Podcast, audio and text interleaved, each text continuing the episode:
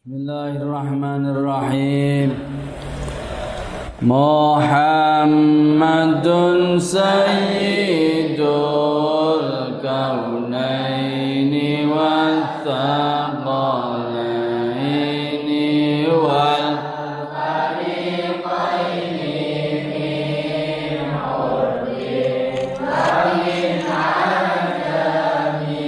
Muhammadun utai kanjeng Nabi Muhammad iku sayyidul kaunaini. Tuan. Dua. Tuan dua. Keadaan. Maksudnya dunia dan akhirat. Dua dunia. Wasaqalaini dan dua dua yang dibebani maksudnya jin dan manusia. Wal fariqaini dan dua kelompok. Min urbin dari orang Arab wa min ajamin dan non Arab Muhammadun utawi kanjeng Nabi Muhammad iku sayyidul kaunaini. Tuan dari dua keberadaan. Dunia lan akhirat. Ini dua yang diberi pembebanan jin dan manusia. Wal fariqaini lan dua kelompok. Maksudnya min urbin saking wong Arab wa min ajamin lan saking non Arab. Sara-sara penyair mulai menyebut orang yang begitu dikaguminya dengan memberinya nama, menyebut nama Muhammadun yang dimaksud dari semua yang sudah disampaikan beliau adalah Kanjeng Nabi Muhammad sallallahu alaihi wasallam. Dan kanjeng Nabi di sini dinyatakan dengan Sayyid. Sayyidul Kaunain. Sayyid itu artinya tuan. Artinya tokoh. Artinya orang jadi panutan.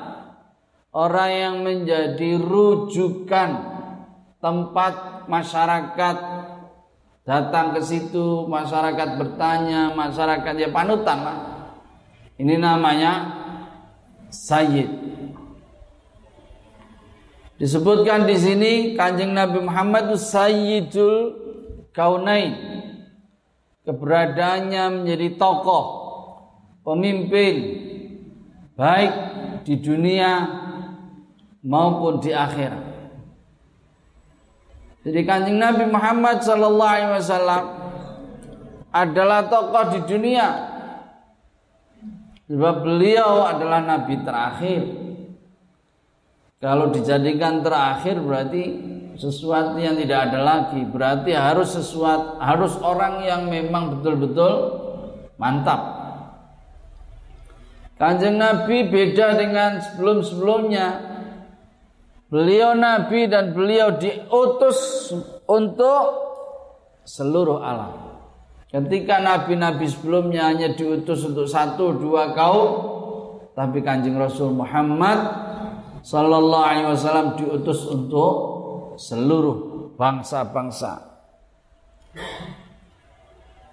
Beliau juga beda dengan nabi-nabi yang lain, sebab beliau mi'raj sowan kepada kehadirat Allah Taala.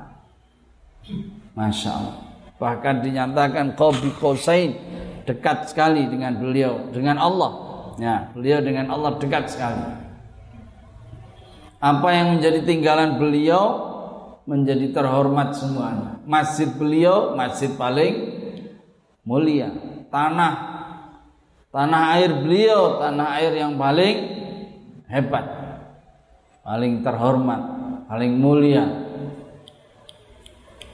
Inilah kanjeng Nabi sebagai seorang tokoh. Ya, tokoh di akhirat tentu saja karena beliau mendapati beliau awalu syafi'in wa musyafa. Saya ini orang yang pertama diberi kemampuan wewenang untuk memberikan syafaat dan diberi kemampuan untuk memberi wewenang syafaat. Ini kanjeng Rasul Muhammad Sallallahu Alaihi Wasallam. Di akhirat ketika semua orang pada bingung mencari pertolongan kepada siapa, mereka rujuknya kepada kanjeng Nabi Muhammad Sallallahu Alaihi Wasallam. Inilah beliau disebut Sayyidul Kaunain Wathaqalain Nabi diutus bukan hanya untuk manusia, tetapi juga untuk kaum jin. Seperti yang kita ketahui, jin itu ada yang jin muslim, mukmin, ada yang tidak muslim, tidak mukmin. Nah, mereka yang muslim ini juga adalah umatnya Kanjeng Nabi Muhammad sallallahu alaihi wasallam. Hadis-hadis banyak menjelaskan seperti itu ya tentang ketaatan jin ya meskipun bagaimana kemudian syariat jin terkait dengan uh, kanjeng Nabi wallah ya. Nisa wal fariqain. Kanjeng Nabi bukan hanya tokoh Arab tetapi juga tokoh non Arab min urbin wa min ajami ini kenyataan bahwa beliau meskipun beliau ini di Arab tapi diutus bukan hanya untuk orang Arab. Syariatnya berlaku untuk seluruh dunia ini. Rahmatan lil alamin. Ini Kanjeng Rasul Muhammad sallallahu alaihi wasallam. Nabiyunal amirun nahi abarra fi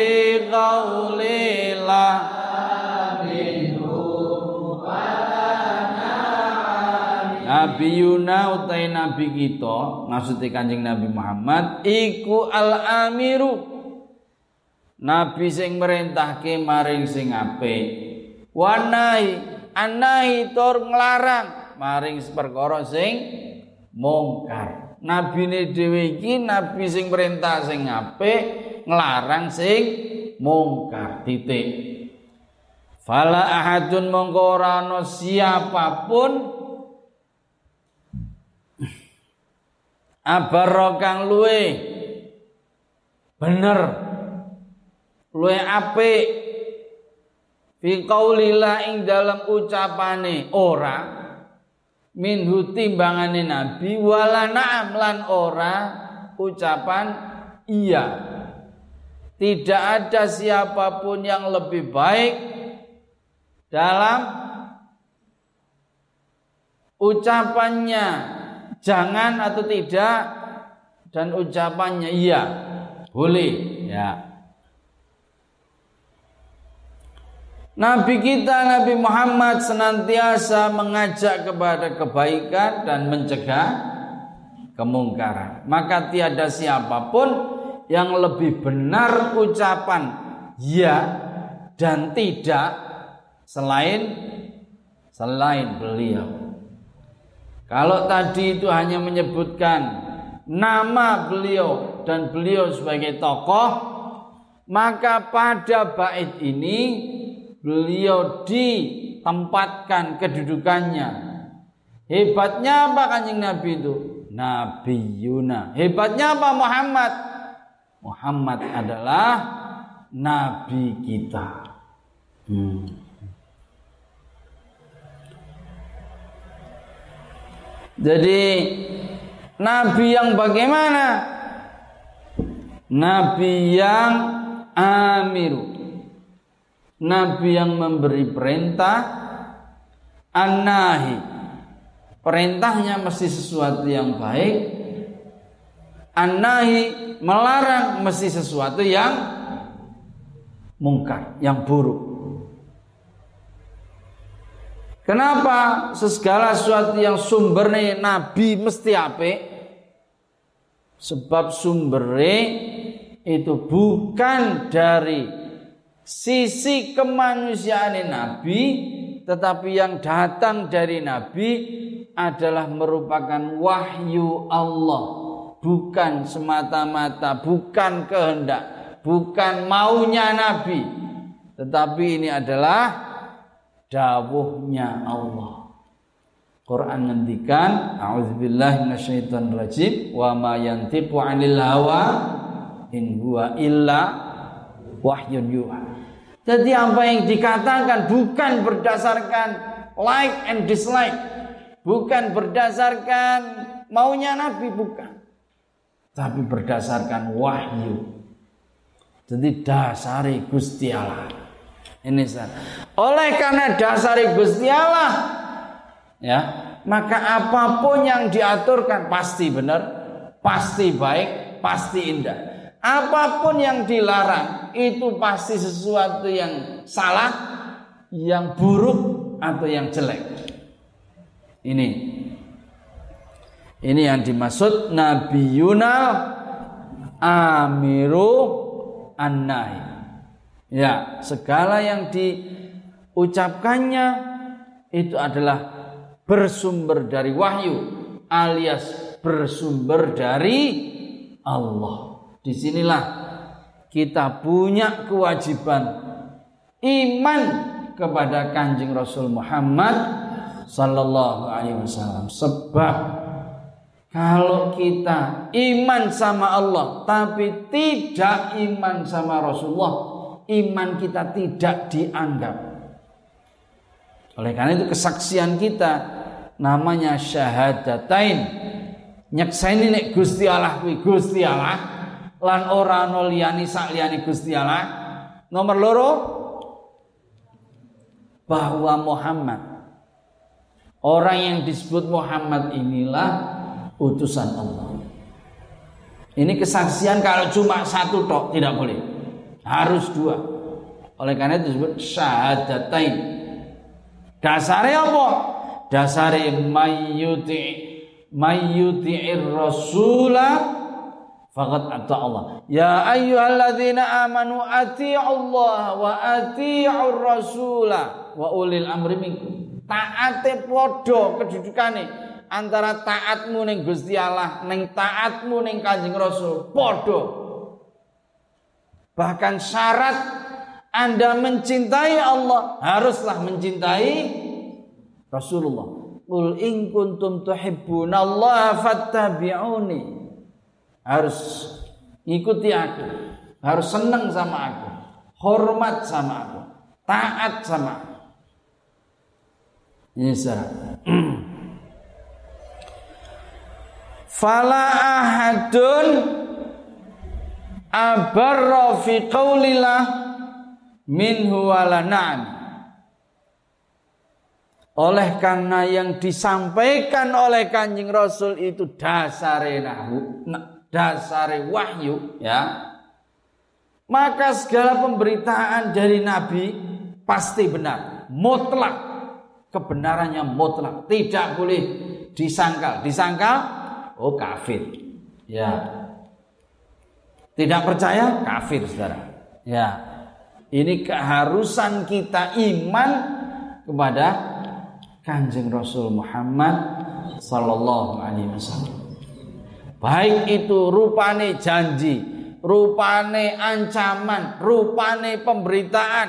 Kok Nabi ngendikan sesuk ning ngene dina kiamat ana ula gedene sak gedung panggung kudu percaya.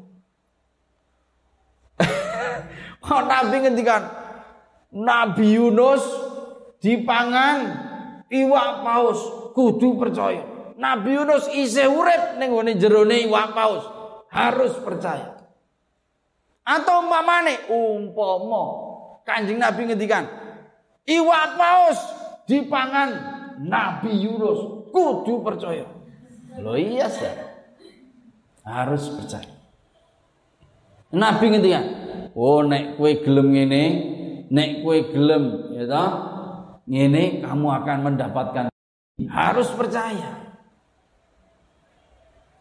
Ya, nek Nabi ngendikan la khulufu famis saim atyabu min. Ambune apa? Ambune bau mulutnya orang yang puasa lebih Hah? Lebih wangi daripada minyak misik. Kudu percaya. Nah. Ini saya ini karena dasarnya adalah iman yang Gusti Nih. Jadi apa pun pemberitahuan kanjeng Nabi, janji, ancaman, semuanya harus harus kita percaya. Tetapi tentu saja beda dengan pemberitahuan Quran. Kalau Quran itu namanya dasarnya semuanya mutawatir, kalau Nabi pemberitaannya itu itu ada yang sahih, ada yang hasan, ada yang mutawatir, ada yang daif, berarti mardud ya. Ini dilihat bukan dari segi esensi penghentikannya, tetapi dari segi pemberitahuannya, pemberitaannya, bukan beritanya, tapi pemberitaannya. Beda nggak? Beda. Ya, karena orang yang membawa berita itu wartawan itu begini, maka hadisnya namanya begini. Kalau hadisnya begini, Anda boleh ya boleh terima boleh tidak ya ini beda urusannya tetapi yang paling pentingnya adalah apa yang disampaikan oleh Nabi dan itu mempunyai kualitas pemberitaan harus dipercaya harus diterima nisa tidak boleh tidak abarra minhu abarra fi qaulila minhu walana tidak ada yang lebih benar daripada kanjeng Nabi. Pemberitahuan siapa? Ada quote kata mutiara siapa saja, maka kata mutiara kanjeng Nabi lebih hebat. Bahkan kalau ada orang ngomong, orang memerintahkan kok bertentangan dengan perintah kanjeng Nabi, harus ditolak. Harus tidak sepakat. Ini sah. Ini kalau kita menyatakan syahadat kita, iman kita kepada Kanjeng Rasul Muhammad sallallahu alaihi wasallam. Ini konsekuensi.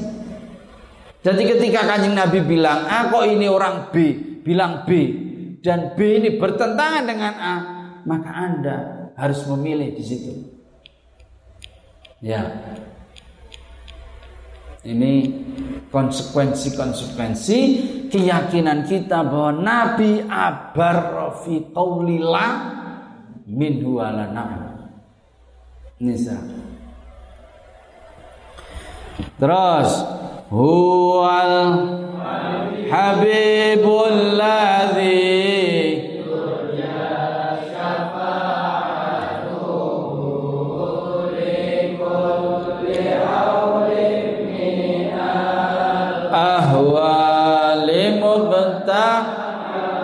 huwa utawi nabiyuna huwa utawi Muhammad iku al habibu kekasih Gusti Allah Alladzi turja yang diharapkan apa syafaatuhu pitulungane Habib pitulungane alladzi likulli haulin maring saben-saben bencana minal ahwali dari berbagai bencana muktahimin yang mencekam yang dahsyat yang medeni wong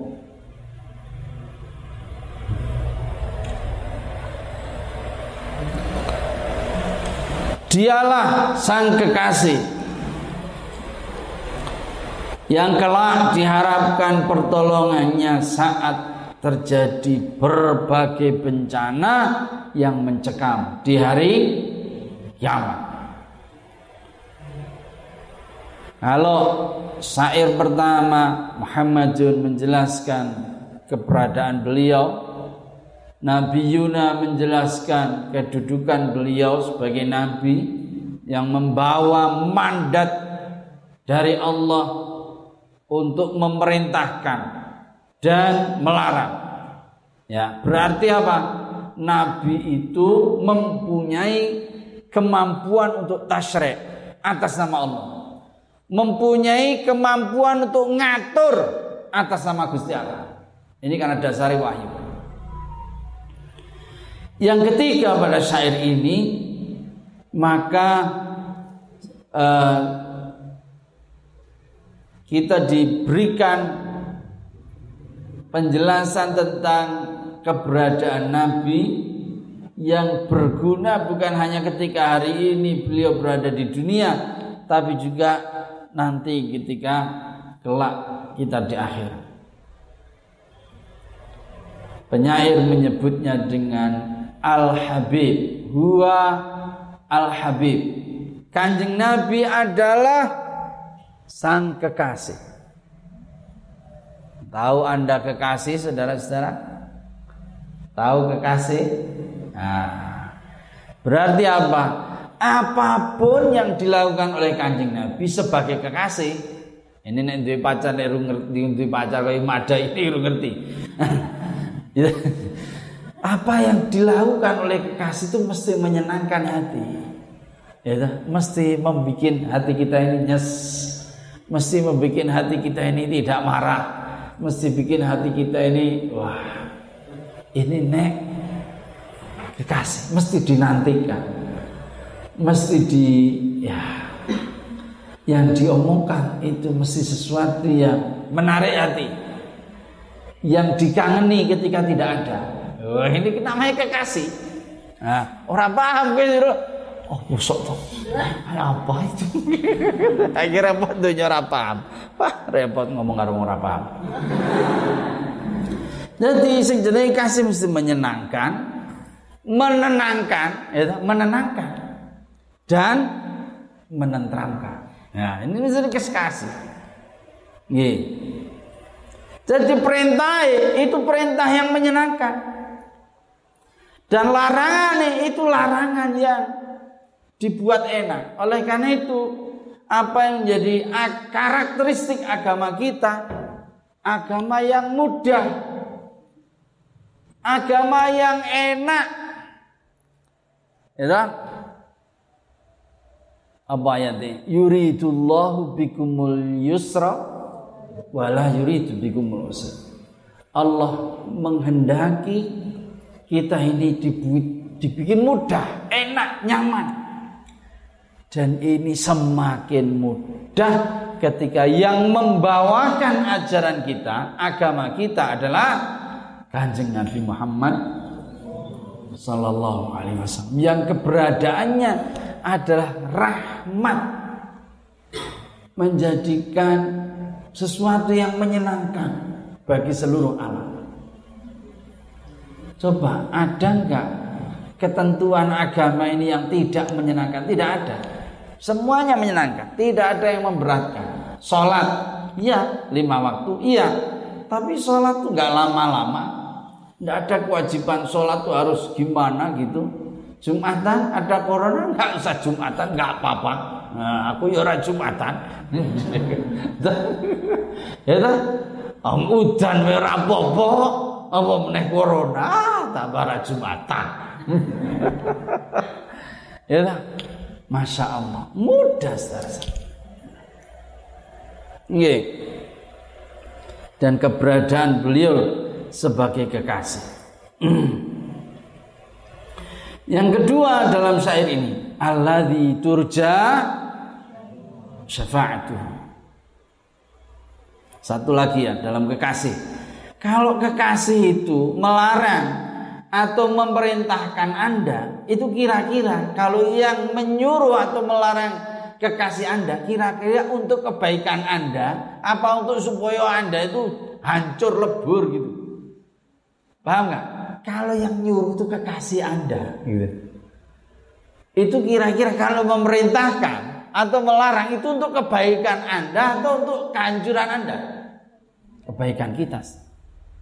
Oh, ini kalau karena apa? Kedudukan Nabi bukan se sekedar sebagai pegawai, penyuruh, eh, sebagai orang yang ditugasi untuk eh, ngatur-ngatur pejabat pembuat perintah atau membuat larangan. Enggak. Tapi beliau ini pejabat tetapi pejabat yang disenangi oleh rakyat. Al habib itu Bedanya apa? Kalau kita disenangi, kita jalan aja, ya? Di mana-mana orang, eh mampir Pak Kiai, eh monggo ke aturan. Soalnya apa? Disenangi. Monggo Pak Kiai monggo ning nyobi. Niki panganan kula monggo nyobi. Nah. Iki nek disenengi, nek ora disenengi piye? Sampai suwe pejabat, orang itu akan cuek nggak lihat, pura-pura nggak lihat, malah mungkin tiga pajak barang. Ya. iya ini. Tapi kalau cobalah anda itu kalau DPD lah tidak kayak sana. Coba anda jalan-jalan mesti disungkan ya, Wah berarti anda disenangi. Hmm. Habib. Tapi kalau anda lewat dan orang tuh cuek, nggak perhatian, apalagi nawari dagangannya, monggo dicoba betul bayar betul nopo-nopo lah itu kan. Nah kalau nggak gitu berarti anda belum disenangi. Gitu kan. Bener nggak? Jadi kedudukan beliau itu nabi, petugasnya Gusti Allah. Tapi apa, beliau tidak semata-mata nabi, tapi juga nabi yang dikasih al-habib bukan hanya Habib tapi beliau itu durja syafaatu luar biasa. Yang diharapkan kasih sayangnya pertolongannya kelak di hari kiamat. Syafaat saudara-saudara ya itu kemampuannya yang diberikan Allah kepada kanjeng Nabi ya uh, untuk memberikan pertolongan kepada siapa yang beliau kehendaki. Tentu saja syafaat ini bukan hanya kepada kanjeng Nabi, tetapi kepada orang-orang yang Allah kehendaki untuk diberi syafaat. Mamane anak sing apal Quran iso nyafaati wong tuane, iso nyafaati bojone, ya, iso nyafaati. Nah, ya ini syafaat. Kiai sing sayang nih umat iso nyafaati umat ini syafaat. Tetapi hebatnya kanjeng Rasul Muhammad SAW syafaatnya namanya syafaatul uzma. Syafaat yang terbesar. Kenapa? Karena yang beliau berikan bukan hanya otok-otok tapi syafaat sing serius Oh ini serius sih. Syafaat serius. Gitu. Syafaatnya gimana? Jadi diterangkan di sini likulli haulin minal ahwali muktahimin. Muktahimin boleh sebagai isim maf, isim fa'il atau Anda baca muktahamin yang ditambahi beratnya. Kalau muktahimin yang berat, yang rekoso, yang bikin susah, muktahamin yang digawe susah ditambahi susah ya. Keberadaan hari kiamat itu prosesi-prosesinya pakai tahapan saudara ada tahapan pertama hari kebangkitan. Nah, dibangunkan dulu. Dibangunkan terus digiring ke masar. Digiring enak aja nggak kayak demo. Bareng-bareng enak aja. Itu campur karo kebo, campur karo tikus, karo kolo jengking. Eh kalau jengkingnya kebunnya bukan begitu, kebunnya gede nih sak komplek N. Gitu. Loh iya nah. Jangan dikira enak-enak di situ. Haul. Sesuatu yang bencana. Sesuatu yang tidak menyenangkan. Sesuatu yang hari itu disebut yauma yafirrul mar'u min akhi min wa ummi wa abi wa sahibati wa bani. Orang itu saking sumpeke nek ndelok bapakne, ibune, anake, bojone, kancane nggak mau tahu menyelamatkan dirinya sendiri nggak kelingan. Masya Allah. Saking ruwete gitu apa bisa terjadi? Sangat bisa, nggak usah dibayangkan akhirat. Mamanya kita ini umpama naudzubillah dari awak ini gempa, biar utawa ana bom, biar Wah, anda bakal kok mikir ke sebelah sebelah, mesti jering jenggirat dewi dewi, ya Kok ada gempa ono bocah sing ning kolah ora klambenan lali. Ora nggo kathok. Iku tenan iku. Dan ini di dunia terjadi. Ada nggak? Terjadi nggak? Banyak, banyak. Itu loh. Apalagi besok. Karena apa? Itu bencana yang luar biasa. Jadi semua ini saking keringat ini saking banyaknya netes sampai disebutnya banjir keringat. Keringetnya ora keringet bosok. Masya Allah. Kelelep-kelelep. Kelelep keringet. Ih. Orang ana Rexona, ora ana apa? Ya Allah. Jadi tidak ada pengharapan. Ya, tidak ada pengharapan. Sing sing iso penak, oh sing apik. Ini secara Jadi ada hari kebangkitan lah, ada proses hisap. Proses apa hisap? Perhitungan, ada proses mizan. Mizan apa? Pen, penimbangan, ada proses sirot. Sirot apa? Apa ini? Melewati jembatan. Ini hal-hal yang tidak mudah. Ya. Dan ini kita bisa harap, bisa berharap kepada kanjeng Nabi Muhammad Sallallahu Alaihi Wasallam. Jadi beliau bukan hanya kekasih yang di diajak senang-senang di dunia saja, tetapi beliau betul-betul diharapkan di hari kiamat pertolongannya kepada kita.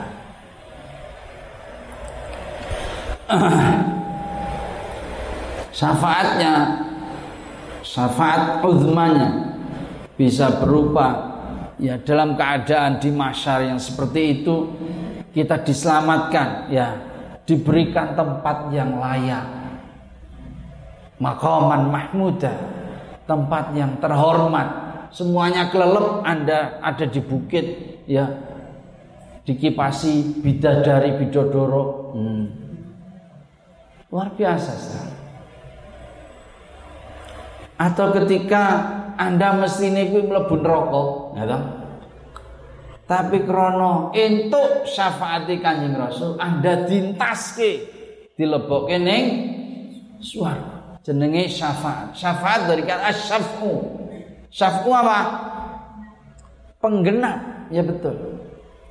Jadi umpamane tiket ning swarga kuwi 10.000, ente amal iku ming 6.000. Kurang piro? Kurang patang ewu berarti neng neraka patang ewu tahun sampean utawa patang ewu juta tahun ya untuk bisa ke surga. Lah ente itu yang patang ewu mau digenepi kanjeng Rasul Muhammad Sallallahu Alaihi jenenge apa? Syafa. Asyafu penggenap. Iki maksudnya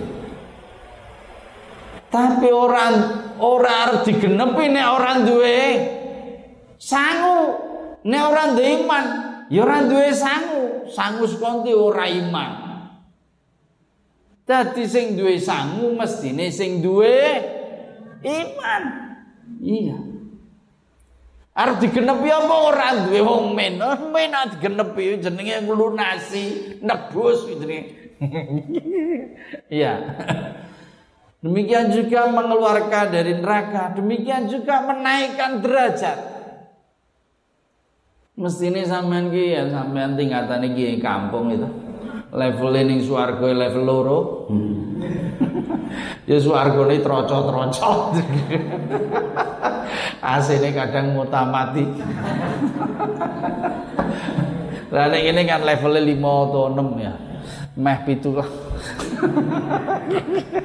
itu lah sama diunggahke levelnya jadi level papat. Iki jenenge syafaat. Nggih. Ini secara salah. Oleh karena itu, uh, mari kita upayakan mendapatkan sebanyak-banyaknya upaya untuk bisa mendapatkan syafaat Kanjeng Rasul Muhammad sallallahu alaihi wasallam. Paling gampangnya bi, Paling gampangnya nek ana selawatan ya melu selawat. Odo selawatan ojo malah nesu, con malah ya iki berbeki. Nah, berbeki kuwi nek sing selawate ora urus.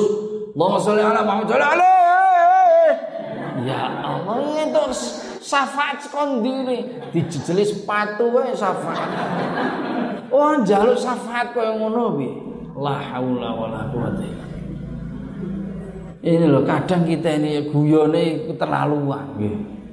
Kita seneng sholawatan tapi seneng pas ngono-ngono. Weh, guyon-guyon enggak mikir belas apa sing diwaca enggak mikir belas. Masya Allah. Di antara lagi supaya kita dapat syafaat ya nek diwaca azan sampean bar azan kuwi sampean maca dungane azan. Allahumma rabb hadhi da'wati wassalatil qa'imah dan seterusnya. Ini halat lahu syafaat yaumil qiyamah. Nabi ngendikan dewi sing jawab azan dekne untuk syafaatku besok di hari kiamat. Ini secara-secara. Semoga dengan kita belajar burdah, belajar tentang pujian-pujian Nabi, maka kita terhitung menjadi umat beliau yang disayang oleh kanjeng Nabi, yang semoga mendapatkan syafaatnya kanjeng Nabi Muhammad sallallahu alaihi wasallam. Amin ya rabbal alamin. Da'a ila Allah fal mustamsikuna bihablin da'a ngajak sapa Kanjeng Nabi ilallahi maring Gusti Allah. Maksudnya bi maring agamane Gusti Allah. Kanjeng Nabi tugasnya apa? Tugasnya ngajak maring agamane Gusti Allah ngajak maring supaya awake dhewe entuk ridane Gusti Allah. Titik fal mustamsikuna mongko utahi wong sing wong-wong sing berpegangan. Bihi kelawan. Kanjeng Nabi ku mustamsikuna berpegangan bihablin kelawan tali ghairi munfasimin sing ora putul putul apa? Putus. Tugasnya Nabi apa? Dakwah. Ngajak sapa Nabi ilallah maring agamane Gusti Allah syariate Gusti Allah. Titik fal mustamsikuna utawa utai wong sing gelem. Cecekelan diiklan Kanjeng Rasul iku mustamsikuna. Wae cecekelan bihablin lawan tali ghairi munfasimin yang tidak putus. Nabi Muhammad mengajak kepada agama Allah. Siapa pun yang berpegang teguh pada agama Allah maka laksana berpegang erat pada tali yang tidak putus. Bait ini ngajak. Apa intine Kanjeng Nabi? Intine Kanjeng Nabi dakwah. Dalam keadaan Nabi sebagai kepala keluarga, dalam keadaan Nabi sebagai seorang sahabat, dalam keadaan Nabi sebagai pemimpin pemerintah, dalam keadaan Nabi sebagai pemimpin pasukan, dalam keadaan Nabi sebagai pemimpin rombongan umroh dalam keadaan Nabi apa saja inti nenek kanjeng Nabi itu adalah agama nih Ini sah. Ini kok tahu? Ya karena ayatnya ud'u ila sabili rabbika bil hikmati wal mau'izatil hasanati wajadilhum billati ahsan Nabi didhawuhi ud'u tugasmu apa? Ajak. ngajak sira ila sabili rabbika kepada dalane Gusti Allah pangeran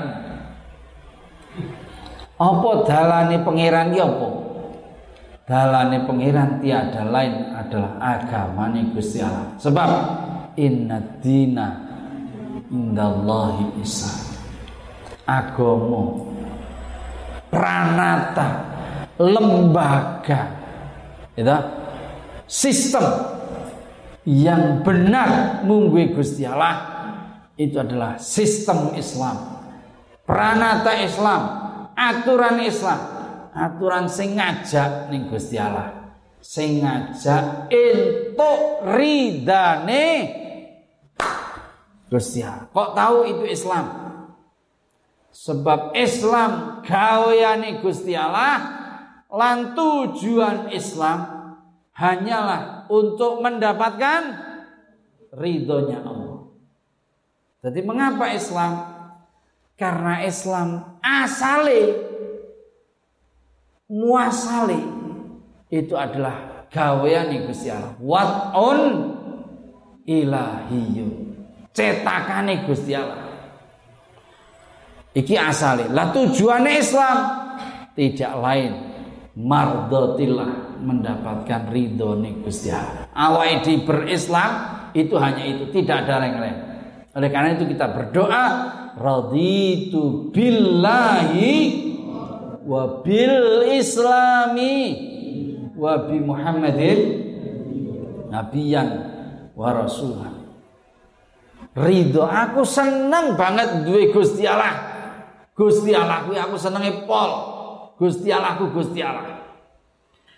Lan aku senenge pol duwe kitab pedoman yaiku pedoman Quran. Aku senenge pol duwe agama. Aku ridho apa wae sing diatur oleh agama ini.